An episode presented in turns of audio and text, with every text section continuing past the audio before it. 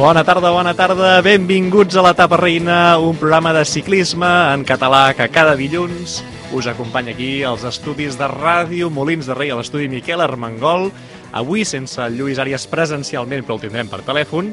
Us saluda en Roger i també la resta de l'equip que conforma aquest programa, començant pel Josep Montano a les vies de so. Seguim pel Sergi Soler, que és el puntual, el que sempre està aquí quan hem de començar el programa. La resta normalment fem tard. Sergi, què tal? Bona tarda. Bona tarda. I també en Marc Vives. Marc, què tal? Com estàs? Doncs acabat d'arribar. Acabat d'arribar encara esbufegant, perquè aquest programa és de ciclisme, és d'esport i, per tant, esbufeguem durant la propera hora amb vosaltres.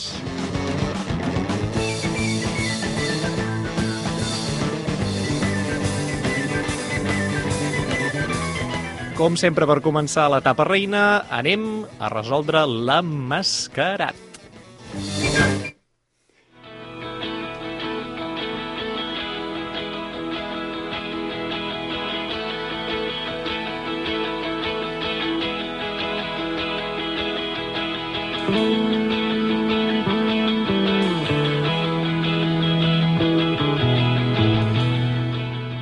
l'emmascarat el tenim pendent de la setmana passada, que vam acabar el programa sense dir qui era eh, doncs, eh, el ciclista amagat darrere de les sis pistes que sempre ens planteja en Sergi.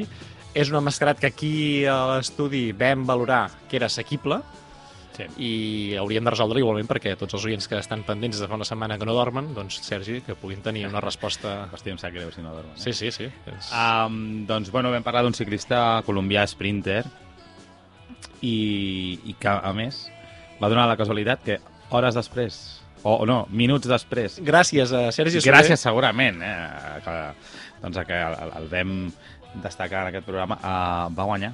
Sí, va guanyar i ha donat positiu per Covid. Això, si vols afegir-ho també. Bueno, això sí, és veritat. No sabia si et volies quedar amb la part bona o la Sí, dolenta. diguem, li, li, li hem donat sort i li hem donat, li hem, li hem donat mala sort. És Fernando Gaviria, vale? Uh, bueno, un molt bon sprinter, que a més, doncs, és una mica polivalent, podríem dir, també, no? Potser no, no seria un, un sprinter pur com pot ser Cap, Cavendish, vale? que li fots una pujadeta ja me l'has matat.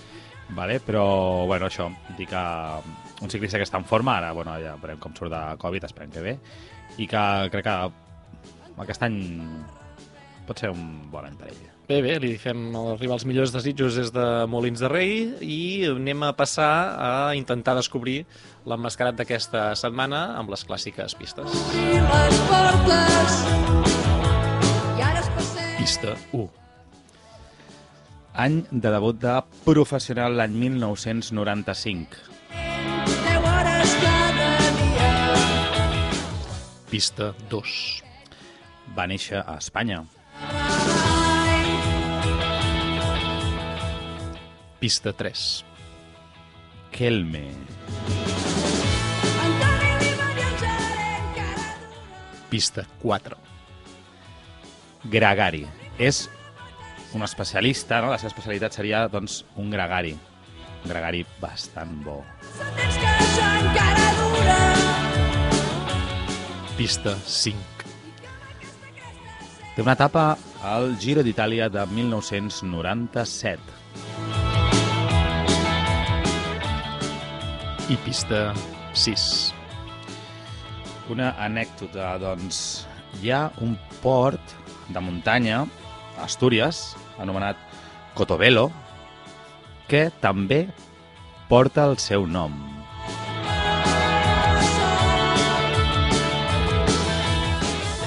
Aquestes són les sis pistes d'aquesta setmana. Entenc que aquesta anècdota final alguns potser els situa, altres no en tindran ni idea, entenc. I has dit gregari, Sí, i a més hi ha afegit. sí, Eh?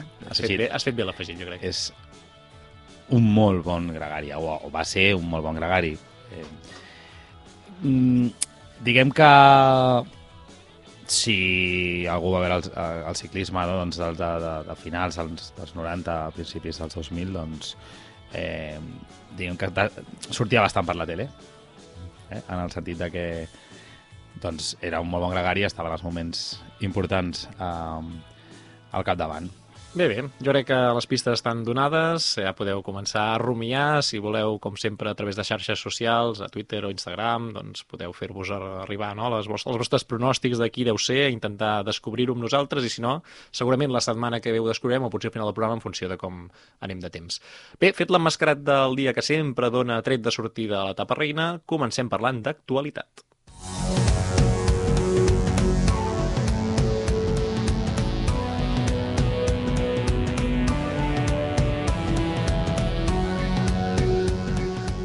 I l'actualitat, eh, mirarem el que ha passat fins ara, després tindrem temps suficient per parlar del que ve, que segurament eh, ja ens agrada, eh, perquè segurament és el moment més esperat de, de la temporada a partir d'aquesta mateixa setmana. En tot cas, el que hem viscut fins a dia d'avui i fins a aquesta hora de la tarda, doncs són bastantes curses, hi ha hagut com una, un calendari molt atapeït, no sé si doncs els oients han pogut seguir aquestes curses, però si heu tingut l'oportunitat, segurament heu tingut doncs, bona distracció de setmana, perquè hi havia molta oferta diferent i també en diferents hores, en franges horàries que anaven com successives, per tant, força interessant. I de totes les uh, curses destacades, si us sembla bé, comencem per la que hem viscut al nostre país, que és la Setmana Valenciana, que ha estat, vaja, escandalós el que hem viscut, és a dir, quatre etapes i una general, per tant una prova per etapes que ja comença doncs, a tenir un cert renom. El cartell d'inscrites era molt bo, era excel·lent, era de dir, ostres, per aquest moment de la temporada no poden venir millors ciclistes al País Valencià, però és que mires dia a dia el que ha passat i la veritat és que al·lucines. És a dir, no sé si hi haurà durant aquesta temporada alguna cursa, no dic ja d'aquest nivell, sinó de World Tour, que tingui quatre guanyadores com ha tingut la Setmana Valenciana. Marc, eh, no sé si l'has pogut eh, seguir a través de, de Punt, no?, que feien Sí. aquesta transmissió Sí, molt sí. interessant. M molt interessant, no? Mm, S'ha agraït no, veure ciclisme en valencià. Oi, sí. Sí, Eh, sí. S'ha agraït molt. Um, I bueno, és que primer dia guanya la campiona d'Europa, perdó, la campiona del món, Elisa Bàlsamo, el segon dia la campiona d'Europa, Sí, sí. Helen Van Dijk, tercera, la, la, la que no és campiona de res, però segurament és la millor... No és campiona de res campiona de aquest any, tot. eh, però és campiona de tot, no? Van Vleuten, que amb una etapa de muntanya molt xula on arriben bé, amb unes distàncies brutals Sí, sí, sí. i l'última etapa guanya Marta Bastianelli que és potser la millor sprinter del món eh? per és, tant que, és que és, és, és impressionant.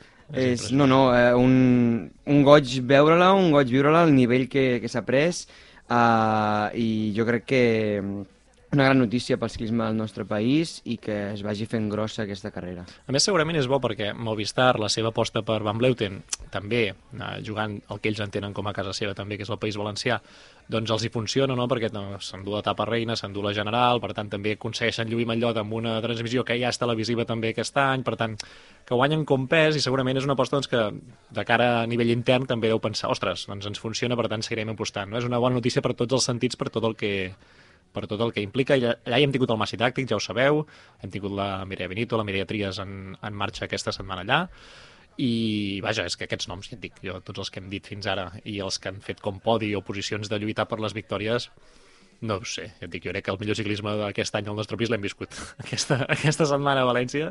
I si no heu tingut l'oportunitat doncs, de, de viure-ho, no sé si des de punt es pot recuperar les transmissions, però si és així, peu per aquest goig que deia el Marc, no? de poder escoltar ciclisme en valencià que no estem pas habituats i que, i que és molt benvingut.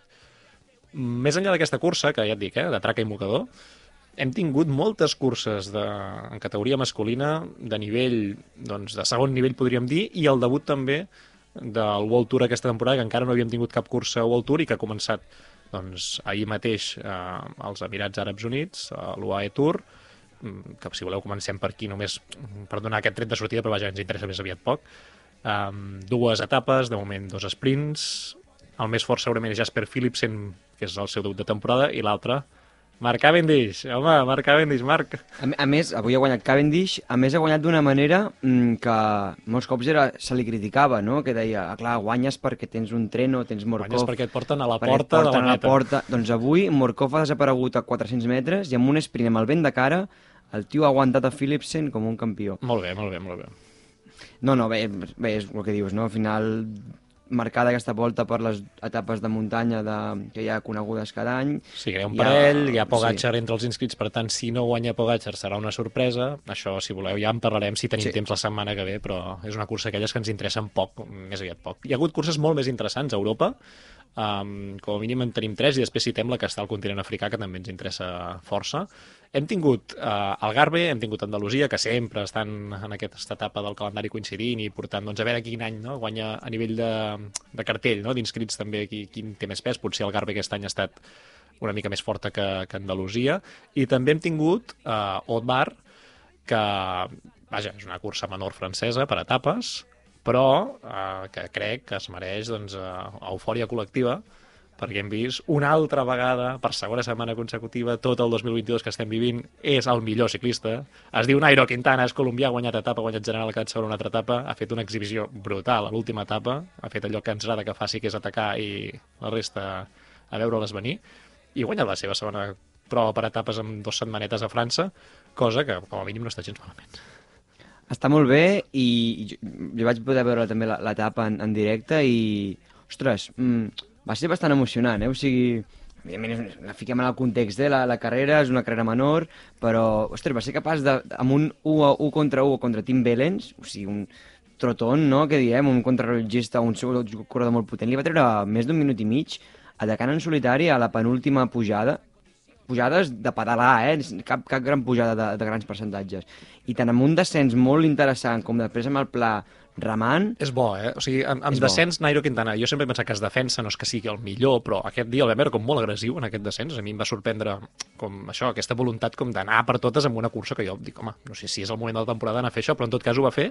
I després amb el pla sempre ha demostrat Nairo Quintana que és molt bon rodador que sempre sap aprofitar aquests terrenys que la gent diu no, ara és quan l'agafaran perquè darrere són més i no estan ben units, etc. i ell va fent distància, va fent distància i acaba amb aquest minut i escaig sobrat a la darrera pujada amb un Guillaume Martin que potser va ser el que al final va intentar una mica millor, però que, la, vaja, que no hi havia ningú que anés al seu ritme o la seva capacitat doncs, de demostrar en aquesta cursa. Molt bé, això sí, Tim Willens el dia anterior doncs, robar-li la cartera, perquè havia fet una mica el mateix, que intentant intentar desempallegar-se, el terreny potser no era tan bo com el del tercer dia, i Wellens doncs, va acabar recuperant i el va guanyar doncs, clarament a l'esprint, com tothom suposo que, que preveia.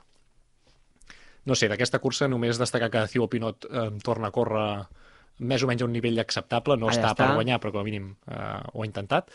I de la resta de dos curses europees interessants d'aquesta setmana, doncs, si voleu, comencem per l'exhibició de Remco i Benepul, que potser és el més destacat a nivell de mediàtic, no? Perquè al final, quan algú guanya una contrarrellotge, no sé si serà la més llarga d'aquesta temporada, no, la contrarrellotge? Eren No, no, 32 quilòmetres. perquè no sé si n'hi haurà gaires més, bueno, mundial a banda, diguéssim, no sé si trobarem gaires contrarrellotges de so- sobre els 30 quilòmetres aquesta temporada. Crec que era la segona o tercera contra la Lotja eh, més llarga que hi ha programada aquest any a, a nivell a, a nivell Que, professional. que que això, aquesta dada li hauríem de passar bé als, als de les grans voltes. No pot ser que una volta el Garber tingui més crono que, que no? Que, Sí, sí. Però, bueno, això. D'aquesta cursa que destaquem aquesta corona perquè no és que guanyés Remco Evenepoel, és que va arrasar, és a dir, tenia rivals prou dignes, perquè no és que hi haguessin, diguéssim, juvenils al seu costat, sinó que hi havia un Stefan Kung, per exemple, entre els candidats, i, i va arrasar, va arrasar guanyant d'un minut. Un minut, un minut i... Bé, o sigui, tenim el Remco després de l'any passat, no?, que va ser una mica una mica contrapeu, tornant començant amb el Giro quan segurament no estava en forma per fer el Giro i potser no va acabar de trobar el seu punt o allò que havia demostrat. Crec que aquest any eh, eh, farà la passa potser que, que li tocava fer l'any passat i, i crec que gaudirem molt. És, sé que és un tio que a molta gent no li cau bé perquè bueno, té formes que poden ser una mica, doncs, bé, això, que no poden fer caure bé, però, però que és innegable és que el tio, el tio hi va totes sempre, no, no, cada dia lluitarà, inclús dies que pot no tenir força, el tio es mostra, ho vam veure a la volta a València, no? també que va perdre el liderat a l'etapa reina, i això és d'agrair. Treure un minut amb la contrarrellotge a Stephen Kung, a Ethan Hayter, crec que és una passada, Sí, sí, sí. I, i, i és una gran senyal de, de l'espectacle que ens pot donar aquest tio a, a aquest any. Eh? Una de les coses que a mi m'agrada d'aquest eh, nano, perquè encara té, no sé si 22 anyets, una cosa, és molt jove encara, és que treballa bé pels, per l'equip quan li demanen. És una cosa que a mi em sorprèn, vist el personatge i l'àurea mediàtica que hi ha al, al darrere, no? que de vegades sembla doncs, que sigui algú com molt presumptuós i que va molt a la seva i ha tingut eh, no? bastants ja declaracions doncs, creuades amb altra gent i de tot plegat, però que els dies que ha de treballar per un sprinter, com Jacobsen, diguéssim en aquest cas, ell treballa, i ell treballa i ho fa bé més. I llavors, no sé, dona la sensació de, mira, com a mínim a l'equip, entenc que doncs, també se'l deu cuidar i se'l deu respectar perquè els moments importants de la temporada, que haurien de ser World Tour ja pel nivell que té Benepool des de fa un parell d'anys, doncs pugui tenir també com un suport no? que, que esperem que, que hi arribi. Uh, ha estat el nom destacat de l'Algarve de llarg, jo diria que tampoc no cal anar massa més enllà, i d'Andalusia, uh, per acabar aquest, uh, aquest repàs ràpid, doncs uh, ha guanyat un senyor que jo com a mínim no l'esperava pas eh, guanyant, diguéssim, una prova ara per etapes ja al moment de la carrera on està, tot i que no és que no ho hagi fet mai, eh, però en tot cas m'ha sorprès. No, de fet, eh, sí que És- no ho ha fet mai. Oi la tan bona menor, no? És la primera, gran, la primera victòria per etapes. És increïble, que Sí, arribi sí. 34 o 35 anys que deu tenir. eh? Sí, sí, sí. Estem parlant de Woodpools. sí. I més amb un equip que, que portava els seus quatre líders gairebé, no? Vull dir, em sembla que era el pic de forma de l'any, no? Portava Landa i Caruso també, junt amb Pols, i, i Pello Bilbao també estava. Uh, sí, sí, mm, bueno, mm, era el gran equip, ha guanyat sorprenentment, i... Amb l'Anda treballant. Landa treballant, Caruso treballant també, Bé, i hem vist Cristian Rodríguez de segon. Cristian Rodríguez II, del Total Energy, ja va fer un bon any l'any Sí, passat. sí, sí, sí. No sé, sembla que és el clar líder del Total i el Total estava començant bé l'any també, mm, Sagan a part. Uh, Sí, No. no. part, sí, sí. uh, Ara- ara parlarem de Sagan i de- i de qui vulgueu. És, és interessant i també destacar a Òscar Rodríguez, vull dir, ja, ens, ja ho sabem, ja en vam parlar, però no sé, mm, molt bona espina dona aquest any Òscar, ai, Òscar Rodríguez, Carlos Rodríguez. Carlos Rodríguez, sí, sí, que ha tornat a fer quart, com no sé si vas l'any passat que va fer quart també ja a la General d'Andalusia, sempre a prop del podi. I finalment només destacar això, que tenim en marxa el Tour de Ruanda, que és una cursa que ens agrada molt per l'afició, pel, pel terreny, pel que ens pot oferir. Evidentment no tenim aquesta capacitat de seguir-la com altres curses de, del calendari, però que hi tenim doncs, eh, l'Òscar Pellegrí, el David Lozano de casa nostra, doncs, que els seguirem atentament què puguin fer aquests dies. De moment, dos dies, dos victòries franceses, i, i ja veurem. I més enllà de tot això, doncs, eh, si us sembla bé, eh, fem, doncs, acabem aquest repàs de l'actualitat i anem a parlar del que ve, perquè el que ve ara, nois, és espectacular. Arriba, per fi, la temporada dels senyors de les pedres.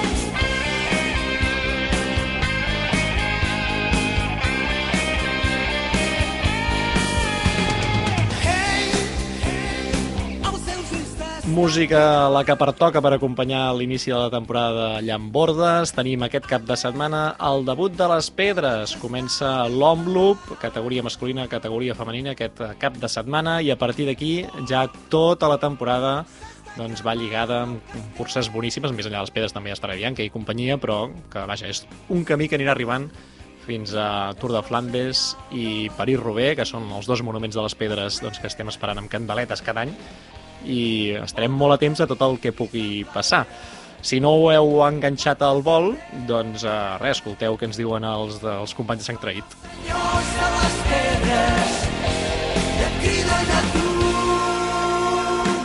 Ens criden a nosaltres, els aficionats al ciclisme. Teníem moltes ganes de començar aquesta temporada de Llambordes i tenim amb nosaltres per comentar-ho l'expert, eh, un senyor doncs, que a les pedres normalment se les mira, les agafa, les torna a llançar, però no sap què fer-ne. Es diu Lluís Àries. Lluís, què tal? Bona tarda.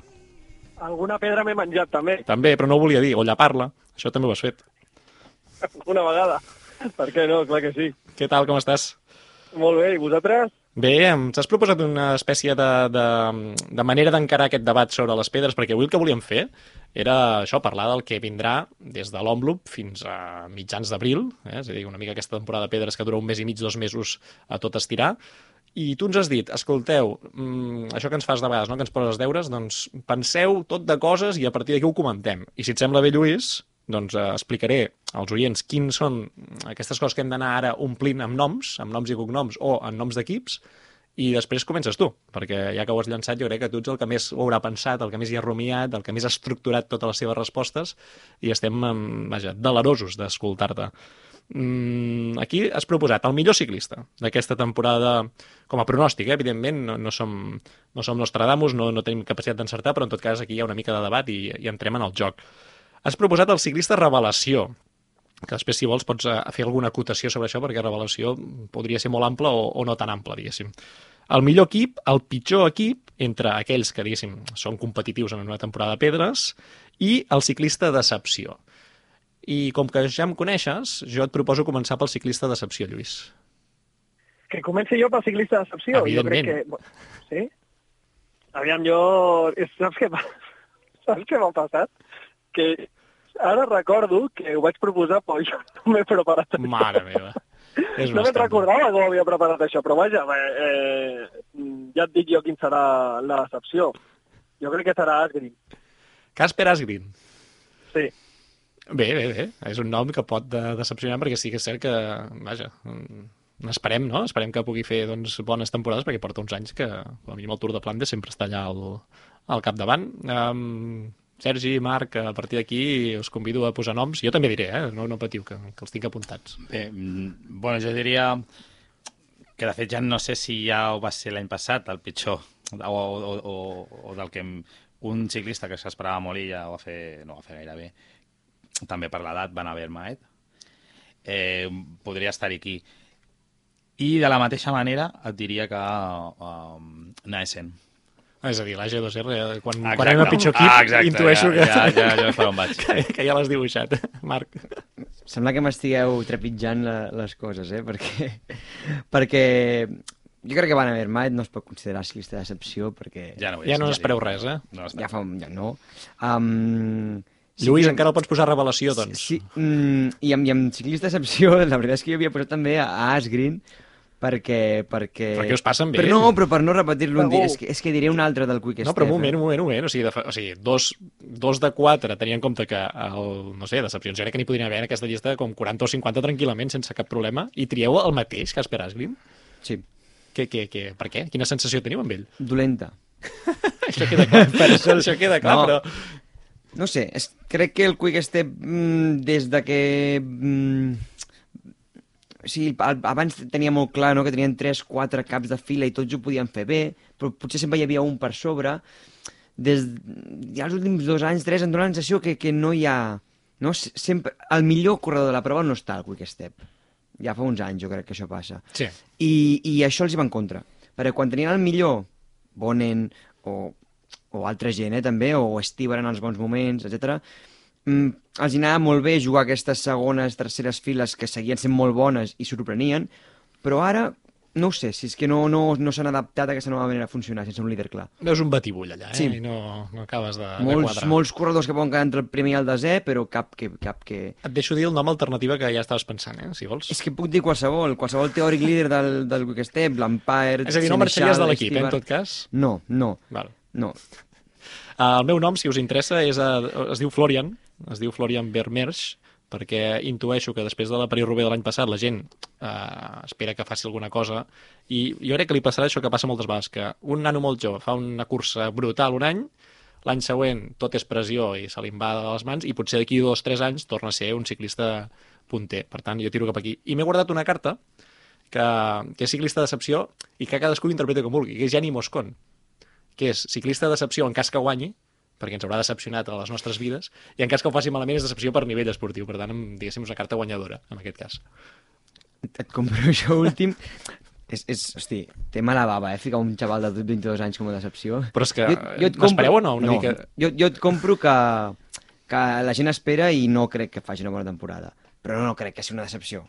Que faci una, temporada no ideal. Vermers, A pobre. veure, després del de l'any passat recordareu que es parlava d'ell com a partir d'ara, saps, Vermès, té 22 anys, pam, pam, pam, doncs que cadascú espera que sigui un cancelar un bonin, no sé com dir-ho. De vegades quan passa això, esperes això perquè realment aquella cursa com a mínim va ser brutal per part seva. Ja ho veurem, ja ho veurem.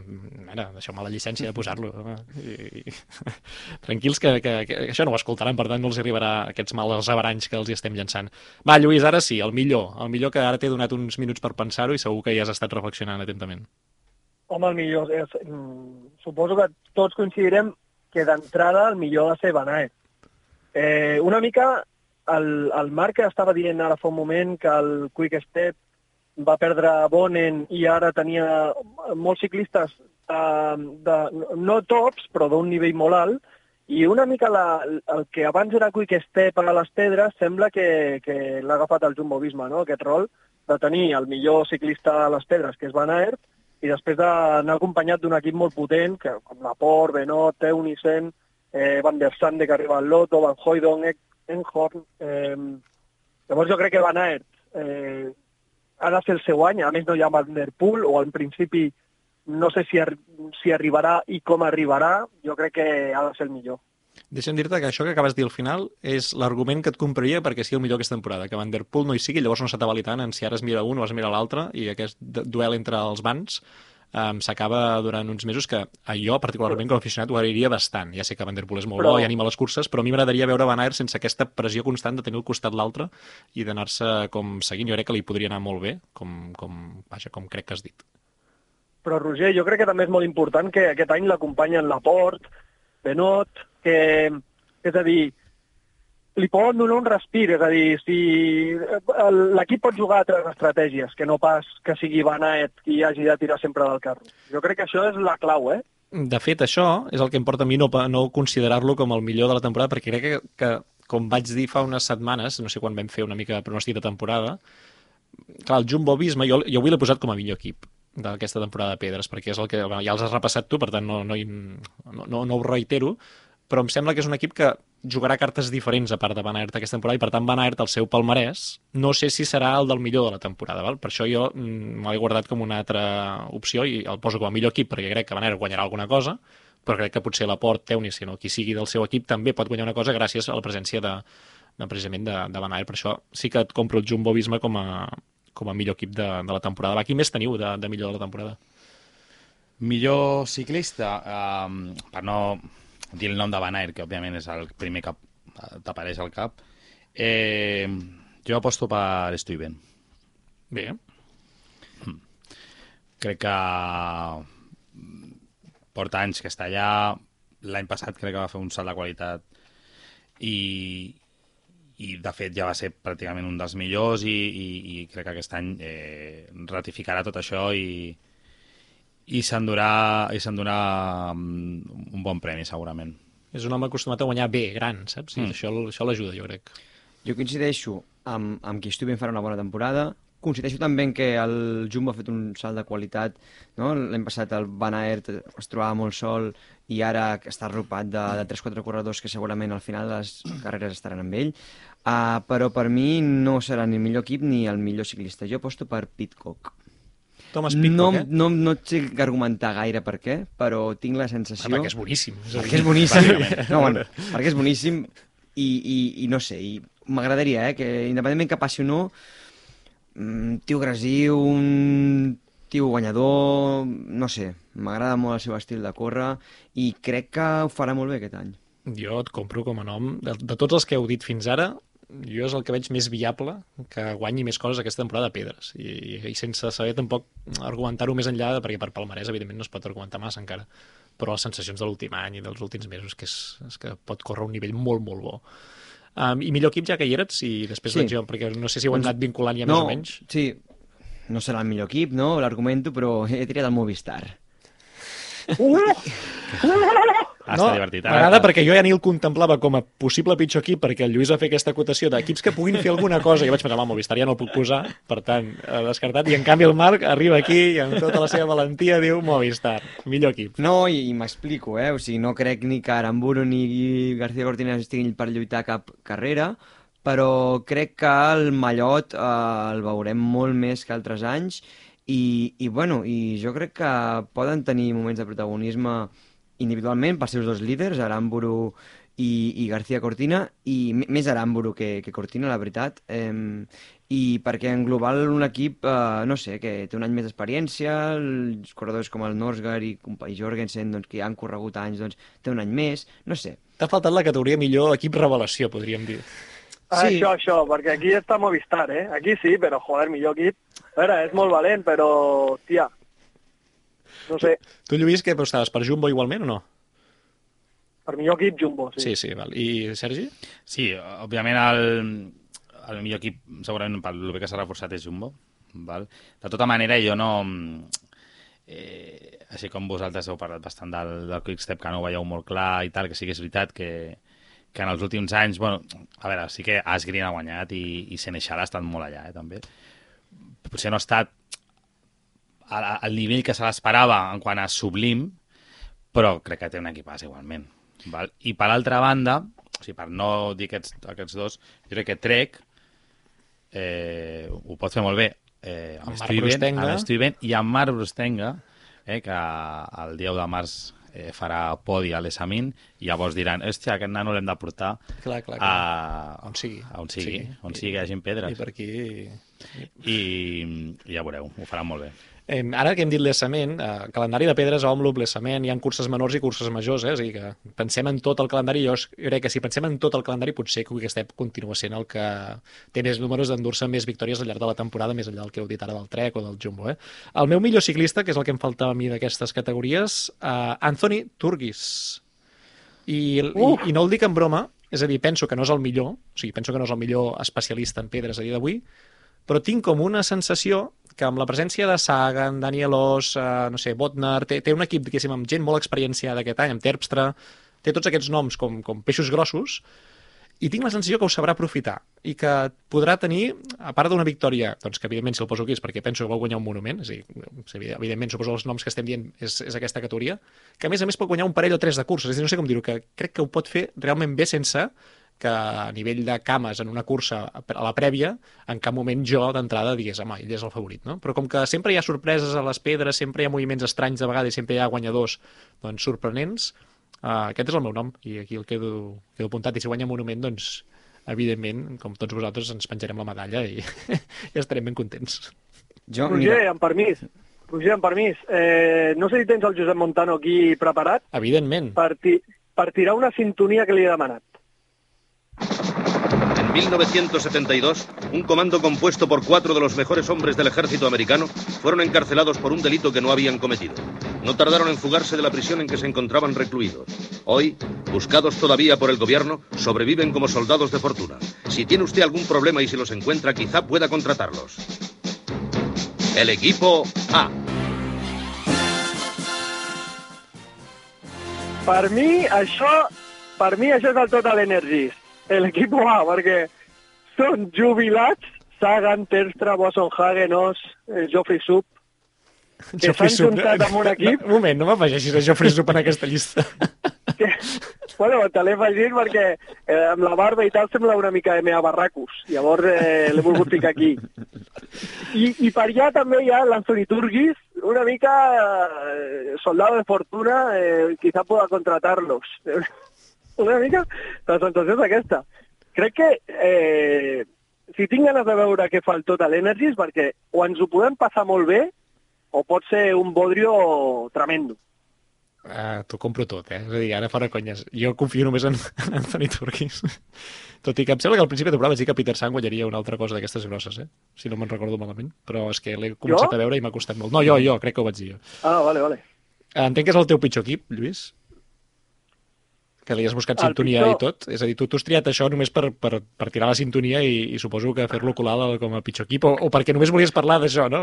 Volies tirar la sintonia. No.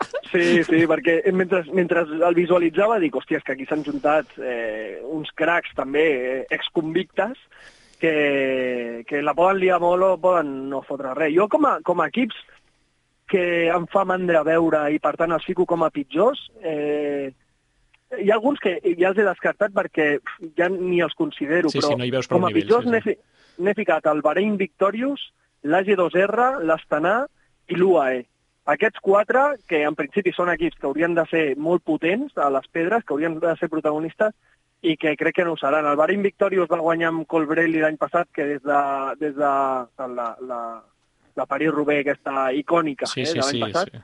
que des d'octubre no corre, Colbrelli, Dylan Teuns, que vol jugar, vol fer una mica de calendari de, de pedres una mica de calendari d'Ardenes i al final no, no fa res, Mohoric, que corre totes les guapes, Heinrich Hauler, que, que em sembla que el 1960 també ja estava corrent cursa, els podis ja, sí, sí. i Marco I Haller l'han l'únic que perdut. em crida l'atenció... Digues, digues. Han perdut a Marco Haller, que l'any passat realment va ser dels més destacats de l'equip. Sí. I l'únic que em crida l'atenció, que a lo millor el Marc eh, aquí pot eh, ficar cullerada, és el Price Petersen, eh, que el Bahrein suposo que el portarà alguna cosa, i un tal Jonathan Milan, que té 21 anys, és un perfil més de sprinter. Bueno, aquí poden fer alguna cosa. Jonathan Milan, Eh, Bahrein. que l'altre dia va fotre un cop de puny a, a, a no sé, a Emirates o no sé on era, que, bueno, que comença sí? bé aquest tio. Comença bé, comença bé, sí, Collons. sí. Ah, doncs no m'havia enterat. No, mira, ja que m'has citat, és que em passen moltes coses últimament i, i, i tinc coses a portar a cada cosa, eh, molt ràpid. Um, del Total Energies, mira, jo no el tinc com a millor... Uh, no, no, és que jo no tinc el Turgis com a millor corredor, però sí com a millor revelació, Ah, val, mira. perquè estic molt d'acord en que Turgis, en un equip on se pressuposa un lideratge de Sagan, no?, o és el gran mediatisme, Turgis ho, està fent, ho ha fet molt bé el poc que ha corregut aquest any i crec que serà una sorpresa mm, molt interessant i ojo amb Turgis. Um, I dels corredors, dels equips que has dit tu, Lluís, dels quatre pitjors, jo et compro la G2R pels arguments que ha donat abans el Sergi, crec que és molt evident, que és un equip que fa molta mandra, i... però un dels que has dit, a l'Emirates, hi ha un corredor que sí que bé no ho correrà tot, però mm, té un, guanyarà, guanyarà un monument. Un Qui dels és? corredors Qui de l'Emirates. Guanyarà la Fla- Pogacar? Tour de Flandes. És Pogacar? No, és Alessandro Covi. Quin susto m'has fet. Alessandro Covi guanyarà el Tour de Flandes. Ho veig molt més viable que Pogacar, i tant. Ho he dit, ja està. Alessandro Covi, eh? Primer hi ha d'anar I va, i va. Bueno, val, o sigui, està a la llista, eh? està la llista. Val, val, molt bé, molt bé. Doncs escolta, queda dit, això és el que volem, no? Noms, eh, apostes d'aquestes que, que d'entrada tots ens sona una mica estrany i que després quan passen, doncs eh, fem, fem eufòria aquí. Va, per acabar, que tenim poquet temps ja. Eh, amb revelació jo tinc a Conor Swift, perquè a les pedres sempre se li donat molt malament, i és un ciclista que ho ha de fer molt bé a les pedres, no sé, sem sempre ho penso, un tio que guanya la Trobro León i que allò de Jaén també està al davant, quan arribin pedres, depèn de com s'ho prengui, si és cap de files de l'equip, jo crec que ho pot fer, i vist com està el seu equip aquest any, doncs, doncs evidentment ara mateix favorit a guanyar-ho tot. Um, Sergi, revelació, Um, no seria una revelació com a, abans has comentat, perquè no és un ciclista desconegut, al contrari, eh, tots coneixem molt bé el seu potencial, però sí que és veritat que no ha explotat encara prou, crec, a, a les pedres, i, i és Stefan Kung. Val? Stefan Kung. O sigui, crec que aquest any ho, ho patarà i serà el millor, Bé, segurament. bé. Uh, Lluís, vols afegir algun nom? Sí, perquè no hem parlat del Bora, que sí que fitxa el Marco Haller i tal, té Apòlit, i la meva revelació, ara que el Bora s'ha desfet de tota la camarilla Sí. sí. Sagan, pot ser Jordi Meus. Val. Jo l'he posat com a pitjor equip, que no ho he dit, per cert. Perquè el Bora aquest any se li posa pitjor equip a tot arreu, pobre. Doncs Jordi Meus queda, queda apuntat. Si us sembla, ho deixem aquí, però no, no deixem de parlar de pedres, eh, perquè us he preparat un, un petit joc, perquè de tant en tant aquí a la Tapa Reina ens agrada jugar i jugarem amb vosaltres, si us sembla bé.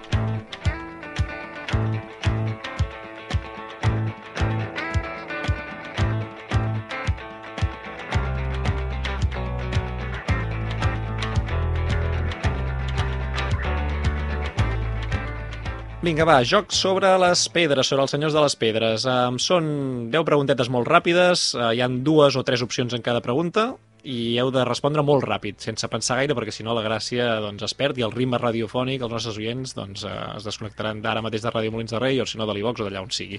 Primera pregunta, qui té més monuments, Tom Bunen o Fabián Cancellara? Bonen. Cancelara.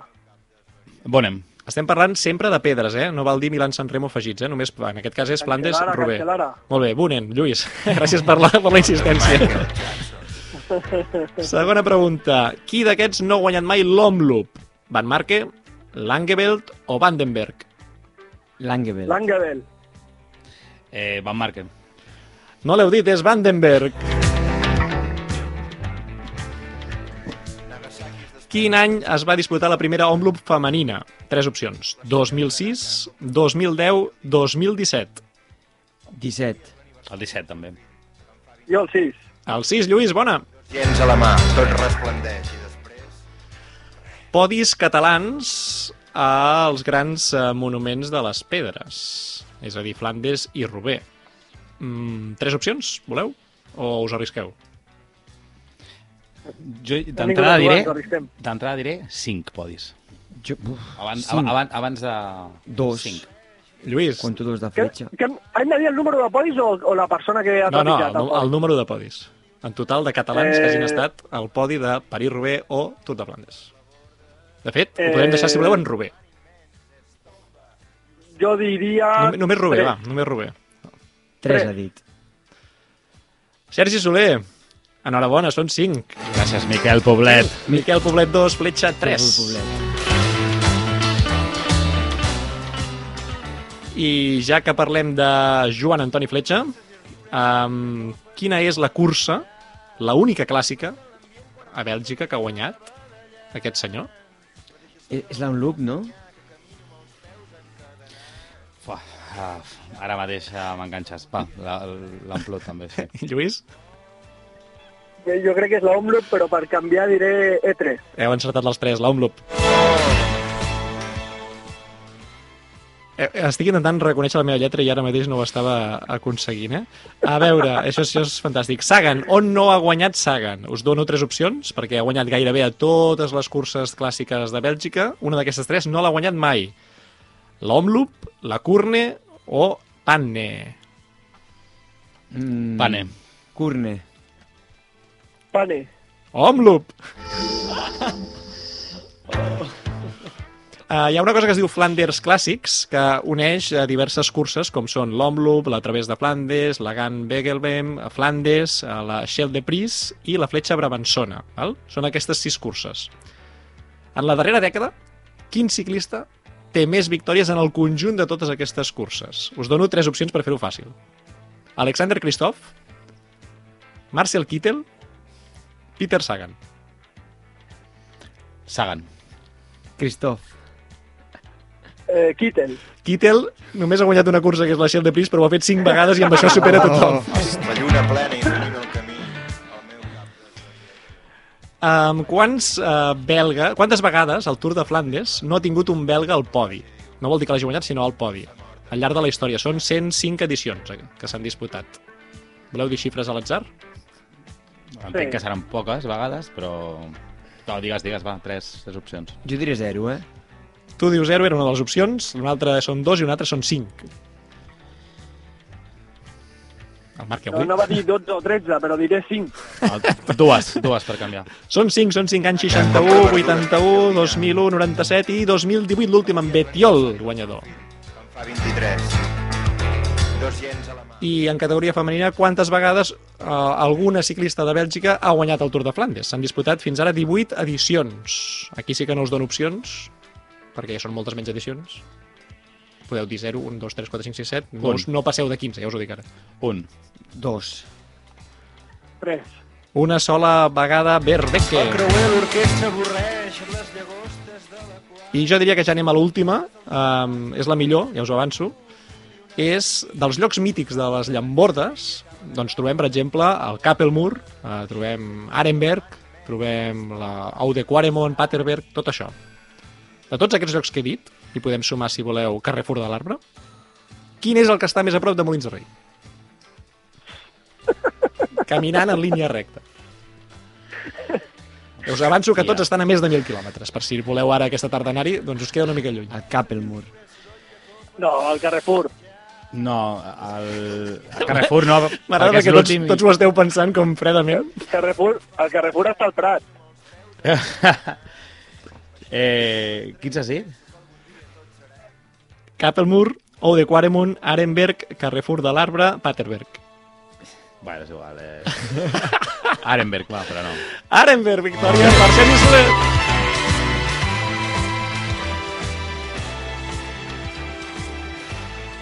Doncs va, s'acaba aquí el joc, no he fet cap mena de recompte de punts, l'important era passar-s'ho bé, i tenim una estoneta per dedicar-la a l'emmarcat.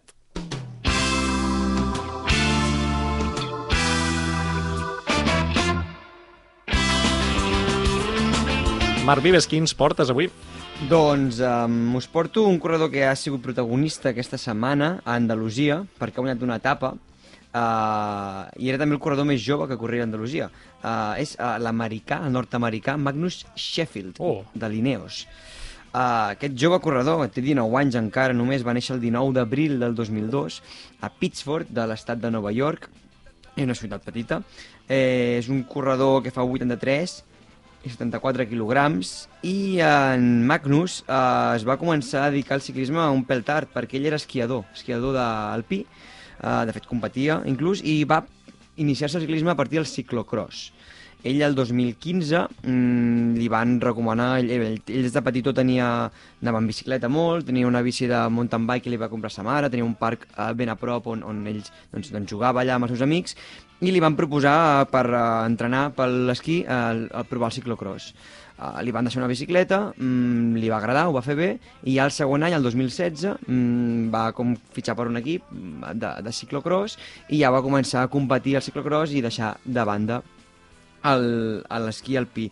Com comentava, ell eh, ja ben aviat, eh, quan és ja adolescent, el 2016, amb cadet més o menys, doncs comença a destacar de molt del ciclocross i comença a córrer també amb, amb l'equip nacional i entre programes així, de, més de, de tecnificació.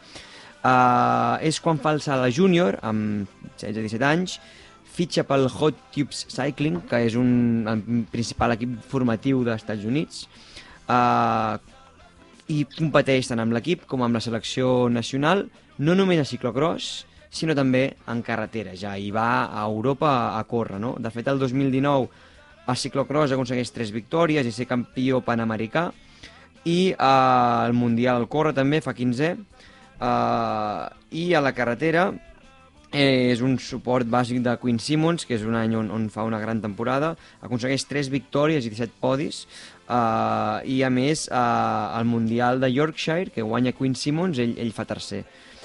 Uh, això el primer any que feia complet de la ruta. Eh? Uh, el 2020 uh, és el dominador nacional del ciclocross, no té rival, fa primer i segon a les 9 proves que corre als Estats Units, Uh, també corre a Europa, on destaquem un quart lloc a una prova de Bèlgica. Uh, en ruta doncs, està molt capat perquè és l'any del Covid i només dona temps a córrer un parell de proves per etapes a inici d'any, però tot i així en guanya una i en queda tercer a l'altra. Eh? Una prova de, per etapes amb, amb, amb muntanyes, amb contrarrellotges, una, mica, una mica variada. Eh? L'any passat va fitxar pel Rally Cycling, eh, l'equip americà, uh -huh. de, de nivell eh, Pro Conti, la idea era un fitxatge per dos anys, una mica per fer de trampolí entre júnior i, i el World Tour, el que només va competir fins al juny. Uh, I a partir d'allà, els nacionals, on va acabar sisè, el Nacional Contrarrellotge dels Estats Units, Elite, no se sap ben bé per què, encara, doncs trenca el contracte, mm, s'aleguen motius econòmics, es veu, de, de l'equip. Potser no és que hi havia Colin Joyce o... Mm, probablement deu per aquí la cosa. No té rancor, eh, ell, cap a l'equip, això és veritat. Però, en tot cas, eh, trenca el contracte i a l'agost eh, firma amb, amb Ineos, un contracte que estarà durant mínim 3 anys, aquest any i els dos següents, amb l'Ineos, eh, i una mica la idea d'aquest any és una mica competir aquí i allà per també acabar de veure eh, quin perfil de corredor és. Eh? És un corredor tot terreny, que ho ha fet bé bueno, amb contrarrellotges, ho ha fet bé amb potència i l'altre dia a Andalusia el vam veure guanyar amb un grup reduït, fent un atac al darrer quilòmetre entre carrerons, demostrant molta potència i bé, una mica es, es vol descobrir també. Eh, el veurem córrer l'Amloop aquest dissabte, bé. també a Curne el diumenge i atenció que corre la París-Roubaix també. O sigui, ja l'agafen primer any i ja, ja va aquí, eh? Déu-n'hi-do. Uh -huh. déu nhi Molt interessant el perfil, un tio que el Mundial que debuta ja ho fa al tercer lloc i tenint en compte que el cap de files era del seu, de la seva selecció, per tant, uh, bé, bé. Promet, i aquesta victòria que comentes, doncs, a mi em va sorprendre molt, que ho vam comentar, de fet, perquè va fer una exhibició de potència brutal, o sigui, va deixar tots enrere sense, sense miraments, i vaig pensar, uf, qui arriba per aquí, no, també? Sí, I sí. gràcies per presentar-lo, perquè jo aquest no el, tenia, no el tenia pas gaire controlat. Um, doncs, uh, si us sembla, abans d'acabar el programa, que ens queda un, re, un minutet, un parell de minuts, uh, Lluís, um, tenim una novetat respecte a l'app uh, del Fantasy, el Cycling, el Cycling Fantasy, que ens podries explicar, perquè ens han preparat doncs, un petit regal no?, per tots els oients de l'etapa reina. Sí, doncs els amics que van venir a, a parlar al programa sobre que són els gestors de l'app de Cycling Fantasy, ens han preparat una lliga és una lliga de 10 curses, per no fer-la massa llarga també per la gent que hi vulgui participar i que sigui la primera vegada que, que juga això de la Cycling Fantasy. Heu de baixar l'app, Cycling Fantasy, i són 10 curses. Nosaltres donarem una clau d'accés que de moment encara no la tenim. La primera cursa serà Strade Bianche Eh, I són 10 curses, 5 masculines, 5 femenines de tot el calendari que acaben amb el Mundial i que jo crec que ens ho passarem molt bé i servirà una mica doncs, per treure'ns les màscares i veure que no tenim ni idea de ciclisme en realitat. Això és genial, sempre, sempre ho celebrem quan l'espifiem ben espifiada. Um, això, l'Estrella Bianchi són res, d'aquí dos caps de setmana, per tant, això està al caure. Estigueu molt atents a les xarxes que doncs, us direm com accedir-hi eh, concretament, eh? és a dir, que això estarem atents a, a vosaltres com sempre. Recordeu que també tenim doncs, eh, una, una lliga interna, els de l'etapa reina, si algun oient s'hi vol sumar només cal que ens ho feu arribar per xarxes i també us hi podem afegir. I eh, que queda, vaja, avui quin dia és? 21 de febrer. D'aquí un mes i pocs dies eh, aneu-vos preparant, eh, perquè arriba la jornada de Thomas de Gent a la Volta a Catalunya. Eh? Nosaltres ja estem fent preparatius des de fa setmanes, eh, preparatius encoberts, que vol dir que algun dia n'hem parlat i la majoria de dies ens n'hem oblidat, però ho tenim ben present que la volem muntar ben grossa quan arribi la, la Volta a Catalunya.